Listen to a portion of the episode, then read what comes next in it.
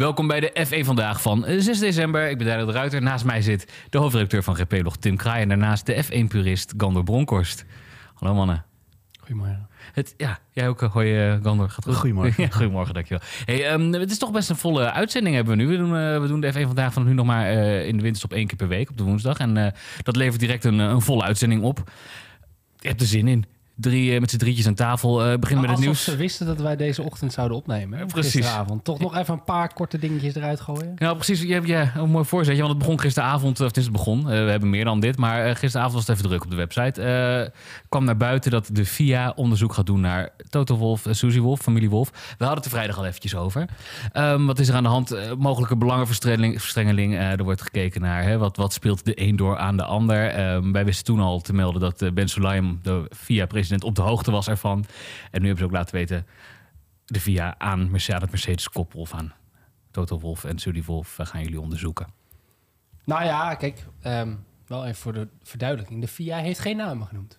Iedereen wist ja. om wie het ging. Ja, ja oké. Okay, okay. Goed, goede, hele goede uh, side note. Maar de, de VIA kwam naar buiten met het bericht dat, een, dat, dat ze een onderzoek gingen instellen naar de integriteit van een teambaas Precies. in de Formule 1. Ik, ik lees hem even voor inderdaad. Ze zeggen, de FIA is op de hoogte van speculaties in de media over de bewering dat een lid van het fondpersoneel vertrouwelijke informatie zou hebben doorgespeeld aan een F1-teambaas. De afdeling compliance van de FIA onderzoekt de zaak. Inderdaad, dat, dat is het enige wat is gezegd. ja, kijk, kijk um, het bizarre blijft natuurlijk, en jullie hebben het hier vrijdag natuurlijk ook over gehad, hè, van, het is niet heel vreemd dat een man iets vertelt aan zijn vrouw en andersom.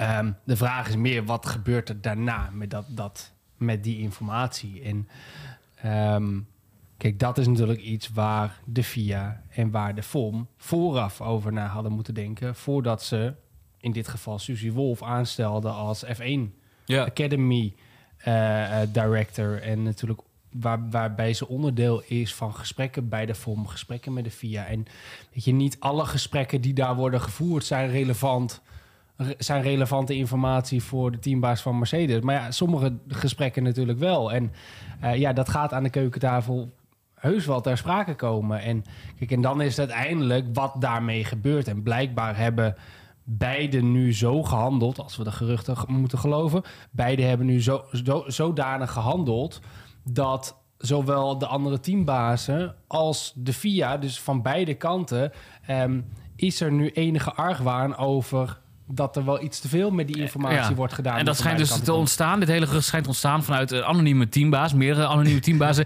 die hebben gemeld die dus iets denken te ruiken daar, zeg maar. Iets fishy. Ja, dit, laten we vooropstellen dat als uh, Suzy Wolf het exact hetzelfde reageert als mijn vriendin als ik uh, s'avonds over Formule 1 begin te praten, dat er dan niks aan de hand is. Ik uh, slaap gerust via, er wordt geen informatie doorgespeeld. Ze luistert toch niet. maar, maar het zou natuurlijk ook kunnen zijn dat ze, dat ze wel naar elkaar luisteren. niet, uh, begrijp ik, hieruit. Nee, nee, nee, dat denk ik. Maar nee, dat is geen... Ze zijn wel geabonneerd? Dit gaat over ja, op, op, op TV Vandaag bedoel je? Ja, nee, dit, dit, dit wordt niet bekeken dit. Je kan zeggen wat je wilt. Het zou haar worst zijn, ja. um, maar de, de, overigens, ja, als wel, hij is het ook grappig natuurlijk. Maar kijk, wat hier speelt... Namelijk dat Suzy Wolf op een hoge positie binnen de FIA zit. En dat Toto Wolf uh, de, de teambaas is van een, van een team wat in de, uh, op de Formule 1 grid staat. Dat wisten we al. En allebei die dingen wisten we al. Dus volgens mij hebben we hier te maken met een knap staaltje mediawaarheid... waarin eigenlijk alles al lang out in the open is. Alleen ineens, direct na het seizoen, als er niks meer te bespreken is... en als iedereen een beetje denkt van... joh, het valt een beetje stil, het valt een beetje dood... laten we dit maar eens naar buiten gaan brengen. En nu ineens wordt er dan over geroddeld van... zouden ze informatie hebben gedeeld met elkaar? Nou ja, ik weet wel dat anderhalf jaar geleden heb ik een video opgenomen... waarin we inderdaad wel benoemen dat het een beetje gek is allemaal. Maar goed, draaien we de andere kant op en zeggen we... ja, maar zoals de Formule 1 Academy... Eh, wat zouden ze daar nou kunnen bespreken? Wat ze daar nou echt zo belangrijk zijn dat het zo ontzettend geheim is dat zelfs een teambaas van de Formule 1 niet weet. Ik, ik denk dat er heel, heel weinig dingen zijn die zij nou echt zou hebben Ja. kunnen doorspelen. En zelfs dan had diezelfde afdeling compliance, die nu ineens in actie komt, voor, ver voor die tijd al lang moeten zeggen van ho eventjes, dit stukje informatie mag mevrouw Wolf niet weten, want zij is nou eenmaal met Toto Wolf samen. Dus die verbolgenheid waarmee Toto Wolf nu reageert en Mercedes nu reageert, ja, dat snap ik allemaal wel. Want het is, kijk, natuurlijk, het smells fishy, dat wisten we allemaal al.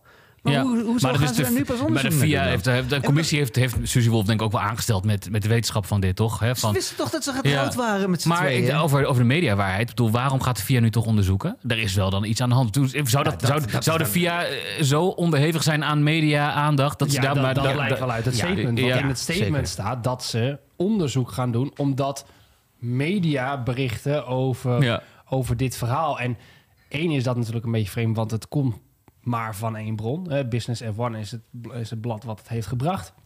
En vanuit daaruit wordt het dan natuurlijk verspreid via meerdere, eh, via meerdere media die die bron overnemen. Eh, zij hebben een anonieme teambaas gesproken en op basis daarvan komt dat bericht naar buiten. Ehm, ja, op basis van die berichtgeving gaat de VIA een onderzoek doen. En dat is natuurlijk wel een beetje de omgekeerde wereld. Want Ja, dat wou ik zeggen, ja, dat had vooraf gemoeten. En punt twee vind ik het nog. Kijk, uiteindelijk... ehm, Kijk, je weet dat vooraf en dan kan, dan kan je afspraken maken. En tuurlijk wordt er gesproken aan, aan, de, aan de keukentafel. Of waar ze ook met z'n tweeën eh, hun tijd besteden. Ehm, tuurlijk wordt er gesproken aan de keukentafel. Het gaat er uiteindelijk om... wat doet Toto Wolf met de informatie... die hij van Susie Wolf aan de keukentafel krijgt. En eigenlijk... Waar het om gaat is, wat heeft hij daar uiteindelijk mee gedaan? En andersom, wat heeft Susie Wolf met de info gedaan die ze van Toto Wolf krijgt? Want het zijn natuurlijk ook besprekingen van F1-teams. Het komt vanuit een teambaas. Dus die zal misschien ook wel het gevoel hebben dat, en dat was natuurlijk het eerste wat naar buiten kwam, is dat de teambazen niet blij waren met teammeetings tussen of meetings tussen teambazen, waarvan informatie een uur later op de stoep uit de mond kwam van Greg Maffay van, van Liberty Media. En kijk, dat zijn natuurlijk wel als, als teambazen onderling kan je geen ver- vertrouwelijke gesprekken meer voeren. En natuurlijk zijn er altijd lekken binnen zo'n groep. Maar het feit dat er zo'n directe lijn loopt richting Liberty Media... terwijl dat je als F1-team soms ook wel eens dingen wil bespreken... die even niet bij de rechterhouder van de F1 moet komen te liggen. Niet bij de commerciële partner van de F1 mogen Ja. komen te liggen. Ehm, ja, weet je, dat zijn gewoon belangenverstrengelingen die die daar botsen. En nogmaals, op het moment dat het zou ophouden bij die keukentafel... en Toto Wolf doet niks met die informatie... of Susie Wolf doet niks met die informatie... dan is het prima, want dan blijft het binnen huis. Alleen blijkbaar, Ja. als we de geruchten moeten, mogen geloven... heeft Toto Wolf wel wat gedaan met de informatie die hij kreeg van Susie Wolf. Of heeft... Ja, ik zat te denken, dat is een oude die open kan natuurlijk heel veel spelen. Wat zou er eventueel doorgespeeld kunnen worden? Wat ik nu het enige wat een beetje naar boven komt in de media, wat bekend is in de media, het is onder de F1-fans, is de samenwerking van F1 Academy en Formule 1. Die teams moeten een een, dri- een vrouwelijke driver in de F1 Academy plaats. Maar dat terzijde. Eh jij begon net over de reactie van Mercedes, de reactie van Susie Wolf. Daaruit werd eigenlijk duidelijk dat het om Mercedes ging. Hè? Want dat werd niet gezegd in die VIA-verklaring. Mercedes reageerde. Het team heeft geen communicatie ontvangen van het VIA Compliance Department over dit onderwerp. En het was zeer verrassend om via een verklaring in de media over het onderzoek te horen. We verwerpen de bewering in de verklaring en de bijbehorende media aandacht volledig. Nou, kijk, Omdat deze ten onrechte de integriteit van onze teambaas aantast. Kijk, dat is natuurlijk ook een beetje kletskoek. Want ze hoeven helemaal niet per se vooraf het team in te lichten. Dat is een beetje een ego-spelletje. Ehm, maar Maar dat, dat eh, vind ik wel. Want nou ja, kijk, ze kunnen best zeggen van ja, we gaan een onderzoek instellen. En als ze tegelijkertijd een bericht naar buiten brengen met we gaan een onderzoek naar, naar, eh, instellen. Ja, dat is, dat is vrij logisch en dat, dat mag ook. Dat is ook normaal. Je hoeft niet per se iemand van tevoren te verwittigen van we gaan straks een bericht naar buiten sturen. Dat hoeft Maar het is toch wel bijzonder dat je het wel naar de media communiceert en niet naar het Nou, F1-team zelf. Eerlijk is eerlijk, het lijkt mij heel sterk dat er niet ook tegelijkertijd een bericht zou uitgegaan zijn naar Mercedes. Al is het precies hetzelfde bericht. Al is het precies hetzelfde bericht. Da- daar heb ik zwaar mijn twijfels over, de VIA het, het, is natuurlijk een beetje, een beetje een maffe situatie. En die, die compliance afdeling is, heeft natuurlijk sowieso boter op het hoofd. Maar eh, dat, dat hebben ze bij Mercedes, bij de familie Wolf ook. Want kijk, als jij welke hoge baan je ook bekleedt... eh, en dan heb ik het over serieus hoge baan... dan zul je altijd gescreend worden. Je moet, eh, of je moet een, in Nederland een AVG inleveren... eh, een, een, verklaring van goed gedrag. Eh, of, of je moet even met, HR gaan praten. Je, je moet aangeven welke familieleden zitten in belangenverstrengelende posities. Nou ja, die, dat moet je allemaal openbaren. Maar het lijkt mij heel sterk dat Suzy Wolf niet heeft gezegd dat ze is getrouwd met Toto Wolf. Ja. dat is die Nou, maar dat wel. via moet ervan weten. Maar Suzy die reageerde ook nog. En die reageerde nog, eigenlijk nog verbolgener. Zoals ik dat dan een goed woord is. Die, eh, die zegt het volgende. Op, op X schrijft zij... Ik ben zwaar beledigd, maar helaas niet verrast door de publieke aantijgingen die vanavond zijn gemaakt. Ja, het doet me pijn aan mijn hart dat mijn integriteit in twijfel wordt getrokken. Zoals Vooral als het wordt gewo- geworteld lijkt te zijn in intimiderend en vrouwonvriendelijk gedrag. En meer gericht is op mijn burgerlijke staat dan op mijn capaciteiten. Dat, zoals ik al zei, het is dus een ego-kwestie. Kijk, er is niemand die roept van dit, dit gebeurt omdat je vrouw bent of, of iets in van die aard. Die twee zijn met elkaar getrouwd, er is belangenverstrengeling. Eh fine. Maar het is wel een ego-kwestie van haar dat ze zich eventjes eh, ja, gewoon eh, voelt dat, dat, eh, dat ze overgeslagen is eigenlijk. Ja. Nou ja, snap ik wel. Hey, gaan we door? Blijven we toch wel... Ja, we gaan door, maar we blijven wel eventjes bij, bij pijn. Pijn bij Wolf en de VIA. Over 2021. Eh, ik zag versta- verschijnen. Wolf heeft zich weer laten gaan over Masi. Hij zegt, Wolf vergeeft Masi zijn fout van 2021 niet. Hij is een idioot, zie ik staan op GP-blog. Heftige uitspraak. Waar gaat het om? Nou ja, dat weten we allemaal. de... VIA heeft eh, na 2021 toegegeven dat er een fout is gemaakt in de wedstrijdleiding, waardoor ehm, mede waardoor Max Verstappen die laatste race in Abu Dhabi heeft kunnen winnen. Hamilton zijn achtste titel niet kunnen halen. Wolf nog steeds verbolgen daarover. Wolf zegt: Ik wil geen minuut verspillen met denken over de redenen waarom het gebeurde. Omdat de man, Masi, te veel eer zou geven. Hij is gewoon een idioot die de verkeerde beslissing heeft genomen. Ja, hij, is, hij er toch nog steeds mee bezig. Dus die ene minuut is dan slecht besteed. En ik denk dat alle minuten die wij erover praten ook slecht besteed zijn. Als ik eerlijk ben. Nee, maar misschien andere. Ik, ik snap de verbolgenheid wel van Wolf. Is best wel goed eigenlijk. Het is geen goed verliezer, laten we daarop Nee. houden. Nee, je kan toch op een gegeven moment gewoon wel een keer zeggen van... ik doe in interviews geen uitspraken meer over Abu Dhabi 2021. Dat, dat zou je toch Ja. als persvoorlichter een keer kunnen voorstellen. Je zou dat als volwassen teambaas toch ook een keer denken van... goh, eh, ik ga het daar niet meer over hebben, want ik weet dat ik daar... Ja, en- kapot ja, maken, vooral want- sport, sportief man. Je, je toont de karakter door dat een keer te laten gaan. Ik vind bijvoorbeeld dat Hamilton, die heeft er vorig jaar heeft hij nog best wel veel erover laten horen. Die laat het dit, dit jaar laten gaan. Ja, en ik vind, ik meer ik vind het voornamelijk gewoon... ehm, kijk, dat daar altijd ehm, pijn zal zijn van dat jaar... dat kan, dat kan ik me heel goed voorstellen. Hè, dat, dat, dat seizoen en die finale is zo gelopen zoals hij is gelopen. Eh, en daar, daar zal iedereen zijn mening over hebben... of dat terecht of niet terecht is. En dat maakt ook allemaal niet uit. Maar je kan vanuit het Mercedes-perspectief begrijpen... Hè, laten we het zo zeggen, als het voor Nederlanders de rollen waren omgedraaid... dan hadden wij hier ook nog steeds moord en brand geschreeuwd over Michael Masi. Alleen ik vind het wel... eh, Zo'n man, Michael Masi, heeft op dat moment een beslissing genomen. Eh, nou, daar is hij achteraf voor eh, aan het kruisgangen. Want hij heeft... Ja, hij is zijn baan kwijt. Hè? ja, Hij is zijn baan kwijt. Hij is natuurlijk eh, beschimpt tot op het bot door, door Mercedes. En nu nog steeds. En ik vind wel, weet je, die man is nu al langer vertrokken uit de F1. Die komt niet meer in de media. Die kan zich niet verdedigen. Wil zich ook niet verdedigen. Waarom moet Toto Wolf zich keer op keer zo, ehm, zo, nou ja, gewoon zieloos uitlaten over, eh, over zo'n man? Waar, waarvan ik ook denk, ja, weet je, die man heeft uiteindelijk op dat moment een foute keuze gemaakt. Ja. Ja, weet je, eh, twee jaar later kan je dat toch op een gegeven moment wel een keertje laten. Want die man die heeft ook gewoon vrouw en kinderen, denk ik. Eh, die gaan ook gewoon naar school. Eh, die lezen die berichten ook. Dat je denkt van ja, weet je, je- laat dat op een gegeven moment gewoon een keer lopen. Want ook dat is gewoon een man die verder zijn leven Mm. weer verder wil oppakken. Ja, precies. Het is, het is natuurlijk misschien een goede nuance. dat zo'n man aanvallen is natuurlijk kan heel kwalijk uitpakken.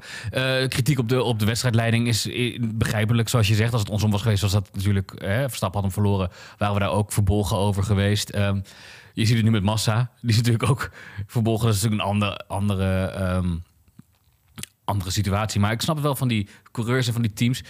Die coureurs die kunnen wel rekening houden met een botsing. Hè? Of een crash of een, een motor die uitvalt. Maar een onsportieve wedstrijdleiding...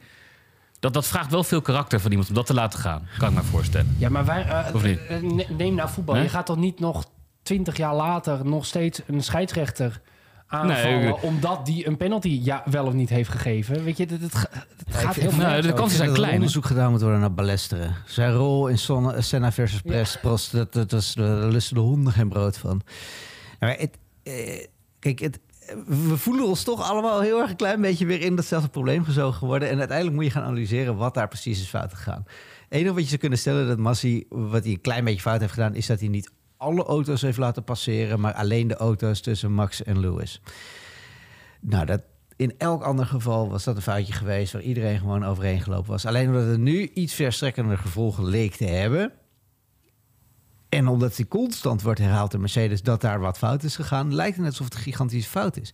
Maar als hij had gezegd van alleen, uh, nee, niet, niet alleen die nummers, maar alle nummers mogen inhalen, dan was er alsnog helemaal niks aan de hand geweest. En dan had was Verstappen alsnog kampioen geweest. Ja, maar nee, maar dat, dat, kijk, dat is natuurlijk niet waar. Je, had, want, je, je kunt want ook als zeggen. Je uit, nee, als je uiteindelijk de regels had gevolgd en hij had al die auto's doorgelaten, dan stond in het reglement dat je die ronde moet wachten. En dan had nooit die laatste ronde verreden worden. Dat Nee, was natuurlijk dat- waarom hij maar een paar auto's doorliet. Ja, wat, wat- wat ik dus eigenlijk probeer te zeggen is dat het wel... Het, het heeft heel lang geduurd voordat die auto's eigenlijk er doorheen gelaten mochten worden. Terwijl we hebben allemaal toen al drie, vier rondes naar een optocht zitten kijken van oké, gaan ze nog racen of niet? En ik vraag me zelfs af, ik durf me echt af te vragen, zou Verstappen diezelfde... eh, zou die niet eigenlijk ook gewoon kampioen zijn geworden? Alleen dan drie bochten later, wanneer die oh, lapcars toch nog tussen hadden Ja, gezeten. maar goed, weet je, dat is natuurlijk een allemaal- hoop wat als. die waren natuurlijk allemaal aan de kant gegaan. Alsof ze, alsof ze een curbstone waren.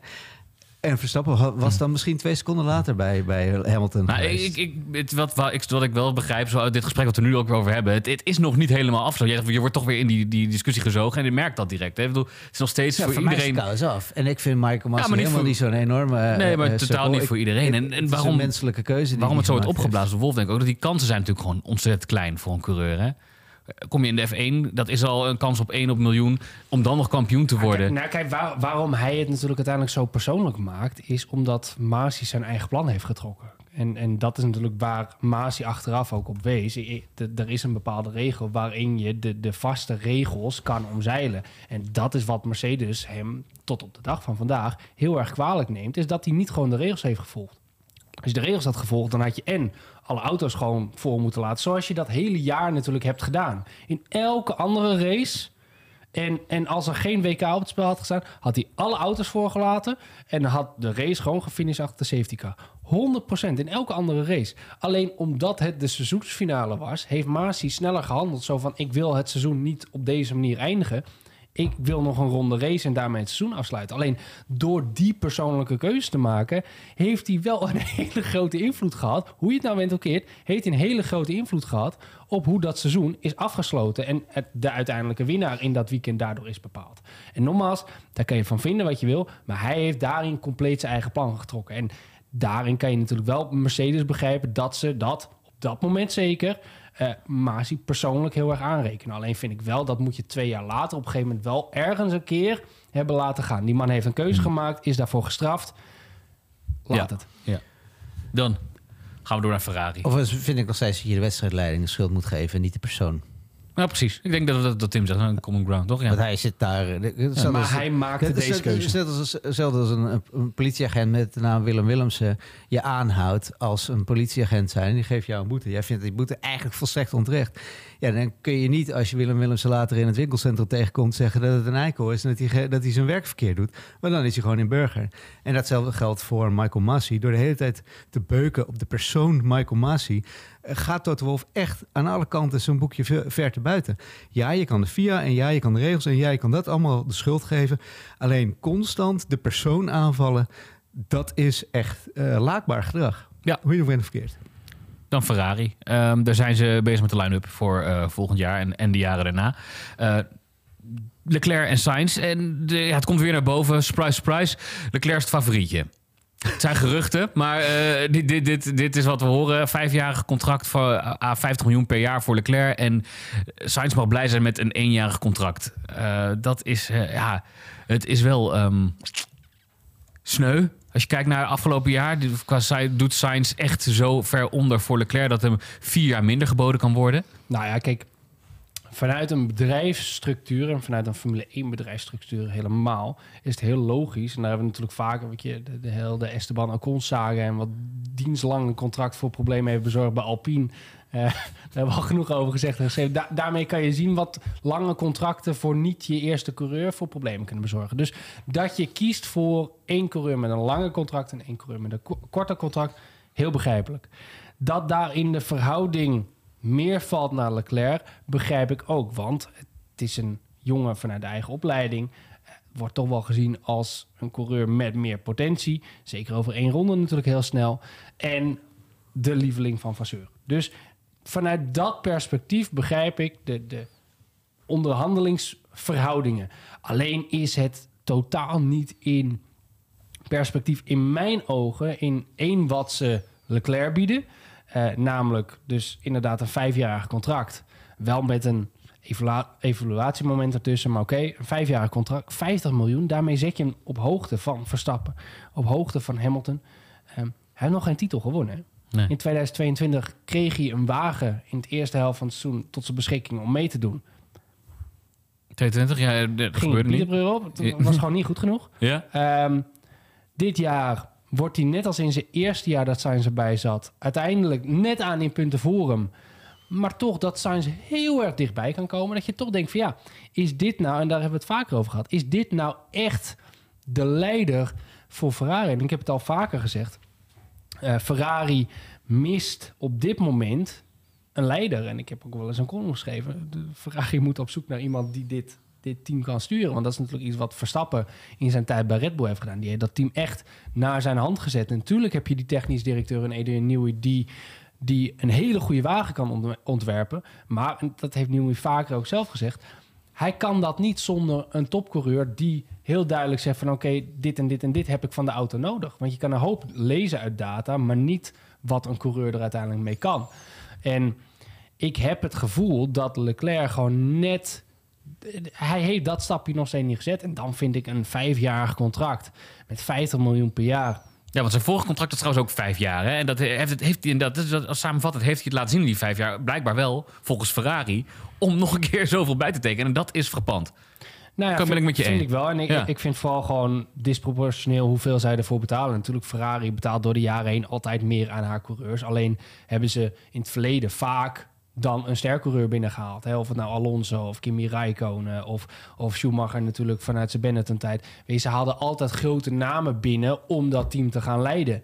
En Leclerc is er een die uit de eigen opleiding komt en uiteindelijk op een paar overwinningen na en, en heel veel polls na Mm. nog niet echt heeft bewezen dat hij de toekomstige wereldkampioen is en degene is die Verstappen gaat, gaat verslaan. Ja, en wat je ook zegt, het is, eh, ik snap wat je zegt ook met, hè, het is verstandiger om je eerste man lang misschien aan te bieden en je tweede man kijkt daarmee uit. Je noemt ook Con als voorbeeld en dan zit je er echt aan vast, aan twee gasten. Eh, dan ga je kijken, is, is het reëel gezien dat ze Sainz niet willen, eh, zo lang willen vasthouden, omdat ze Norris op het oog hebben? Daar hebben we het natuurlijk al vaker dit jaar over gehad.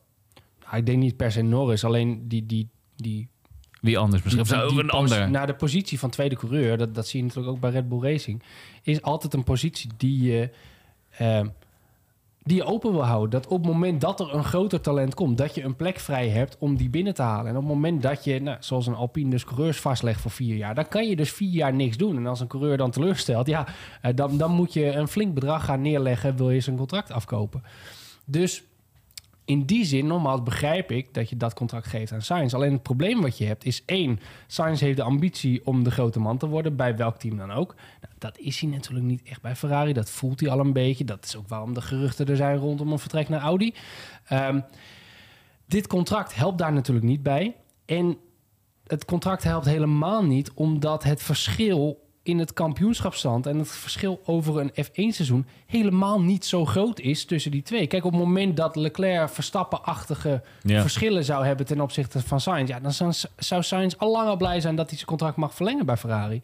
Alleen dat is niet het geval. Sterker nog, als hij die putdeksel niet heeft in Las Vegas, eindigt hij waarschijnlijk boven Leclerc in het kampioenschap. Dus ehm, de, de verhoudingen die de contracten, de verhoudingen in de contracten die worden uitgedeeld, staan niet in verhouding met ehm, wat er op de baan gebeurt. En daardoor snap ik wel dat een Sainz huiverig is om dit te verlengen. En ehm, met heel veel contracten die aflopen en voornamelijk het zitje van Sergio Perez, wat eh, natuurlijk weer vakant is voor 25. Eh, Ludo heeft een stuk geschreven op onze website. eh, waarin, vooral, eh, waarin hij vooral Red Bull erop wijst van joh, hou Ja. deze situatie even in de gaten. Want ja, weet je, Sainz, daar hebben we het vaker over gehad, zou natuurlijk kwalitatief gezien de beste tweede man zijn naast Verstappen. Maar hoe, hoe, hoe, ja, is het ook dat Sainz zeg maar het mannetje wil worden?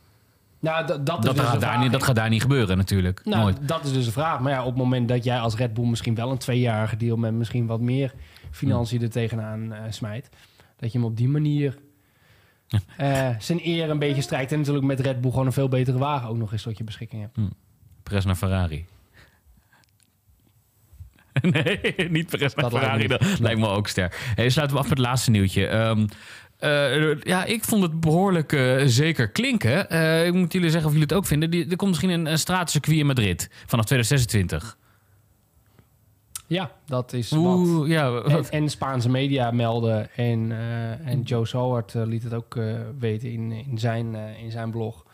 Dus ja, het hangt al langer in de lucht. Kijk, weet je, de, de F1 het gaat, het er al denk ik twee jaar over. Er komt Ja, mogelijk deze week meer een bevestiging. Center heeft daar natuurlijk gezeten. dus er is veel hype rondom Madrid. Weet je, de, de lokale autoriteiten werken daar ook hard aan om daar een race te krijgen. Dus de, de, de infrastructuur in Barcelona is ook niet super. Is, is ook een circuit waar men wel een beetje op is uitgekeken. Ik ben daar dit jaar ook geweest. En nou ja, je kan nou niet zeggen dat het nog echt aan de standaarden voldoet van die, die nu worden gelegd, zeg maar. Ja, het, heeft, het heeft nog wel een soort ehm, karakteristiek historisch eh houvast, toch? Is Barcelona. Ik bedoel, even een purist, vind jij dat? Nou, weer een stratencircuit. hè? Ja, wat vind je van eh, Barcelona weer, dan? Weer, eh, weer die Eh, ja. Heb je dan liever inderdaad als purist zeg maar het Barcelona eh, dan behouden? Ik, ik verwacht een, eh, groot lang rechtstuk met dan een haakse bocht. Dan vervolgens een korter rechtstukje, dan weer een haakse bocht. Ja, dit, dit is concept, een beproefd concept inmiddels eh, voor de Formule 1 om dit soort eh, eh, steden te willen. Het is leuk natuurlijk, een historisch centrum. De Grand Prix van Barcelona zijn al jaren een beetje saai, maar volgens mij ligt Barcelona nog vrij lang vast, toch? Want dat is onlangs Nee. tot, echt met, Ook tot en met- tot en vier met jaar 26. verlengd of zo. Oh, ja. 2026. Dus daar- zou dan een jaar overlap zitten. Ja. Ja, ik, ik, ik, ik, ik, ben zeker niet getrouwd met, met Barcelona. Ik vind het ik vind het een vrij saai circuit eigenlijk, zo langzamerhand. Maar eh, ja, of, of dan een straatcircuit in Barcelona. Ik, ik, misschien Valencia terug of zo. Dat was ook een straatcircuit. Vond ik nog wel, eh, vond ik nog wel spannend. En wat dacht je van Geres? ja, Spanje is nog wel entitled zeg maar op, op Als, als, als, ik, nou, als, als ik nou mijn, mijn puristenhart laat spreken, zullen we dan, zullen we dan voor Geres gaan met z'n allen? Ja goed, dan volgen we Jan Purist hard ja, goed. of, kijk, weet je, en, en dit, dit blijft dezelfde discussie als dat je natuurlijk voor Vegas ook hebt, hebt gehad. Kijk, je snapt ergens dat ze dan Madrid als mooie stad willen hebben. Maar bouw alsjeblieft gewoon een goed circuit. Ja, ja, ja. Eh, een, een echt cir- circuit. Kijk naar wat een goed circuit een goed circuit maakt. Kijk naar, weet je, neem Spa als voorbeeld. Weet je, dat gaat op een gegeven moment verdwijnen van de kalender. Maar is natuurlijk wel als circuit een van de beste, zo niet de beste, op de huidige F1 Gewoon een goede racebaan. Ja. Je, kijk naar Silverstone, kijk naar Zandvoort. Weet je, maak zoiets. En dat gaat niet in een stadscentrum. Dus leg hem naast de stad. Ga met een vliegtuig over Madrid vliegen tijdens de race... en maak daar nog even shots van, zodat je Madrid nog in beeld hebt. Doe, doe s'avonds nachtshows in Madrid. Eh, laat de coureurs daar optrommelen op donderdag. Het zal allemaal een worst wezen. Maar ga racen op een echt circuit. Want ja, en, en weet je, iedereen zal in de comments weer zeggen... ja, Vegas was, was een geweldige race. Ja, de eerste keer wel. Ja, net zoals Baku, de eerste keer heel leuk was. En race 2, Zet je misschien ze- ook ja. nog. Maar race 3, 4, 5, 6, 7... dat wordt gewoon uiteindelijk zoals je het ook in Qatar hebt... zoals je het ook in Abu Dhabi hebt. En dat zijn dan nog echte circuits. Ehm, maar weet je, Ja, zet dat- je schrap zeg maar voor de komende tien jaar als dat zo is. ja, weet je, die, die worden dan ook weer voor eh 35 jaar vastgelegd. Ja, nou in ieder geval, eh, ja, ja, Madrid, eh, mogelijk deze week nog bevestiging. Nou, dan hebben we het de volgende week weer over in ieder geval. Tim, Gandor, dank jullie wel. Kijkers en luisteraars, dank jullie wel voor het kijken en luisteren naar de F1 Vandaag van vandaag. En tot volgende week. Doei.